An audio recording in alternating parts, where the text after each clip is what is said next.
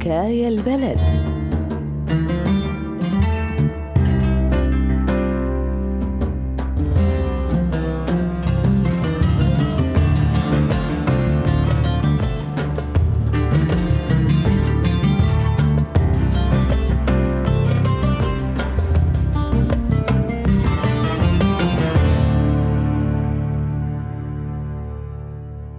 القدر بيحمل كتير أحداث ما بتصير لحالها. منتدخل فيها. وبوقتها يمكن ما نعرف إنه هالعمل اللي عم نعمله بالحقيقة هو شيء تاريخي أو حتى بطولي.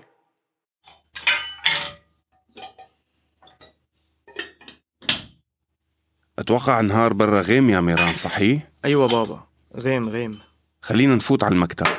بلكي إذا في إيميلات إجتني تقرأ لي إياهم. طيب أجيب كاسات الشاي. يا الله. هاي كاستك هون سخنة يا الله. في إيميل من فاطمة حسين. مطالبتك بقرية التل؟ أوه فاطمة. بلش بالقراءة ميران. يا حبيبي يلا. أستاذي العزيز علي رجائي أن تكونوا بخير. بعد الشوق والسؤال عن أحوالكم رأيت أن أستعيد بالكلام ولأول مرة. أن أستعيد بعد غياب طويل بالكلام مختصرا قد يستحق الذكر لسيرة عقد من الزمن في قريتنا التل. وفي رسائل قادمة سأروي لك تفاصيل رحلة الهجرة والاستقرار لاجئة هنا. إذا لم تمانع أتذكر أول وصولك إلى مدرسة قريتنا. هذا أستاذ علي كان بقرية الرحبة جنب الحميس؟ سمعته زينة حيل. كتار من طلابه هنيك فاتوا للجامعات. مو هو كردي من القامشلي؟ والبارحة صار عنده طفلة بعد ولد. خبرني أبو جاسم من البارحة هما مثل أصحاب. يوم يوم اجانا أستاذ جديد من القامشلي حاطط نظارات. يقولون إنه طلابه من الرحبة فاتوا الجامعات. بلش يصير أستاذ أختي فطومة. حقا كما قالت أختي رهف. صرت معلمي منذ أول يوم لي في المدرسة. وكنا حين سمعنا لكنتك الكردية في الكلام خلناك اجنبيا تعلم العربية بعد مشقة. أهلا وسهلا أستاذ علي. أهلين بالصغار الحلوين. أول دروسنا نتعرف على بعض. كان ذلك ممتعا وبريئا للغاية. مر الصفان الأول والثاني سريعين. الصف الثالث كما تعلم كان منعطفا حاسما. فيه برزت أكثر وخاصة عندما بدأت باختبار قدرات ذكائنا. مين يعرف ليش أكتر شي يكترون السكان بالمدن مو بالريف والبادية؟ جاوبينا يا فاطمة لنشوف. بالمدينة بمصانع وعمل وطرقات وحدائق وجامعات ومشافي والكهرباء ما تنقطع. وحين زرت بيتنا يوم العطلة حاملا معك قرص سي دي لفيلم لون الفردوس الإيراني كأنك كنت تتكهن بما سيحدث لي بعد ذلك بوقت قصير. والله استاذها لفطومة رجل محترم. جاب لنا الفيلم ومحولين الصوت لعربي. بس علامكم كلكم سيحتم دموع يا أبو الولاد حرق قلبنا هذا الولد محمد هو وجدته. أعمى وما يشوف. لكن عليه كلام الكبار ما يقدروا يقولوه. بس ما أعرف بالأخير. مات ولا ضل عايش؟ رجع عاش. لا لا مات. بس أصابعه تحركوا شوي. اسكتوا. كان ذلك مؤثرا. لكني استغربت فيما بعد وقد حللت هنا في إنجلترا. كيف كان متاحا آنذاك للأطفال المكفوفين في إيران؟ تعلم لغة برايل شاي؟ صب لي شاي يا ميران. وإذا بارد ما يلزم تسخن. عرفت شو هي آه، لغة برايل؟ طريقة للعميان مشان الكتابة والقراءة.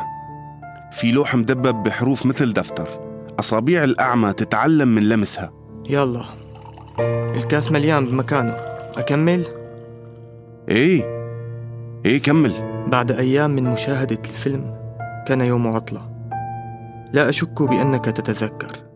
لا أشك بأنك تتذكر تفاصيل ذلك اليوم. من حيث رويت لك إياها فيما بعد. يا ولو فطومة طفي الغاز قبل ما تحترق البطاطا. عجلي. يلا يما. شلون أطفي يما؟ والله ما أعرف شلون أطفي. من هالطرف ولا من هداك؟ آه يما! يما احترقت يما! يما احترقت! لم يعد يؤلمني تذكر الحادث أو الكلام عنه ولكن امرا دائما نشأ عنه. هو أنني لم أعد أرى. صرت عمياء. ليش وقفت يا ميران؟ كمل. بعد خروجي من المشفى دون بصر كنت غريبة عن الحياة في بيتنا الذي ولدت فيه. في بيتنا الذي ولدت فيه إذ كنت بحاجة إلى أن أرى كي أكون كما كنت فكثرت العقبات أمامي أثناء التجول في الغرفة. يوم ما فطومة وقعت صلاحية المي على السجادة. وأثناء تناول الطعام. هاتي إيدك فطومة هاتي. هون البرغل وهون الطرشي. وهون كاسة العيران.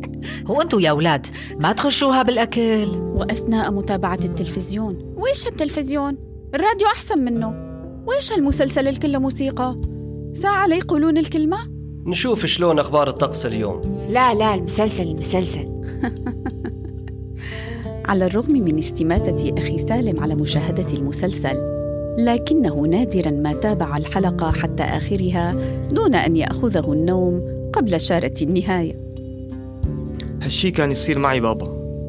كنت بقول لريما وأمي كبوا علي مي إذا نمت قدام الفيلم. قبل أن أعود إلى المدرسة أخرجت كتبي ودفاتري مجددا في البيت. وكان يخنقني أني لا أفرق بين كتبي. وكان يخنقني أني لا أفرق بين كتبي. اجتهدت أصابعي مع الأيام لتخفف من نقصي الكبير. لكن سيري إلى المدرسة حين أردت بعد أسبوعين أن أذهب وحيدة دون مرافقة أحد من أسرتي كان محفوفا بالعثرات والخطر. هذا حيط بيت سلمى. إيه؟ هو جمنته. معناها وصلت للطريق العام. يا الله الطريق فاضي هسه.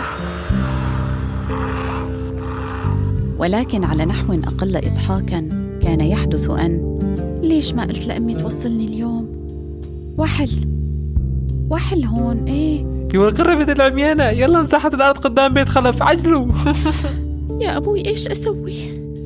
إيش أسوي يا أبوي؟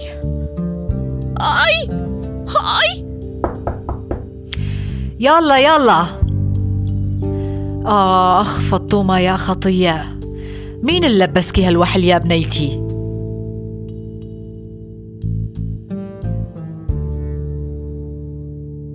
التقيتك بعد يوم وأخبرتك بما حدث معي وكنت أبكي. لكنك قلت لي لا تبكي يا فاطمة. هدول رفقاتك.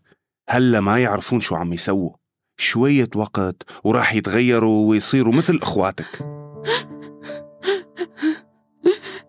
وحقا حدث ما توقعته ولكن ليس قبل اليوم الذي كان نهاية لحضوري إلى المدرسة حين تعثرت بمدفاه الصف. فاستدعى ذلك غضب مديرنا الأستاذ إسماعيل وتصريحه بضرورة حرماني من حضور الدروس وجلوسي في البيت. أعطيها فرصة كمان يا أستاذ إسماعيل. أرجوك. هيك حوادث وقت الشتاء بتصير مع طلاب كتار. يا أستاذ علي سوينا اللي قدرنا عليه مشانها ومشانك. بتعرف وضع المدرسة ما يتحمل. لا نقدر نأمن لها الصف لحالها ولا عنا لغة برايل بكل الحسكة. وحضورها في الصف يسبب مشاكل نحن بغنى عنها. اليوم تصطدم بالصوبيا بكرة بتتعثر بالمقاعد وبعده تنحصر إيدها بالباب. إذا حبينا نساعدها بجد يا أستاذ فهدول مو أسباب تقنع لنخلي فاطمة الذكية الشاطرة تترك الدراسة. يعني الأستاذ إسماعيل ونحن كلنا ما نرحم ولا نعرف الصحيح؟ وأنت مو مثلنا ما شاء الله عليك؟ تفوت وتطلع من بيوت القرية والناس يحبوك؟ ما أقدر أشوفها مقطوعة من الدراسة. بكرة أراجع التربية. وإذا ما وصلت الحل بدي أراسل الوزارة.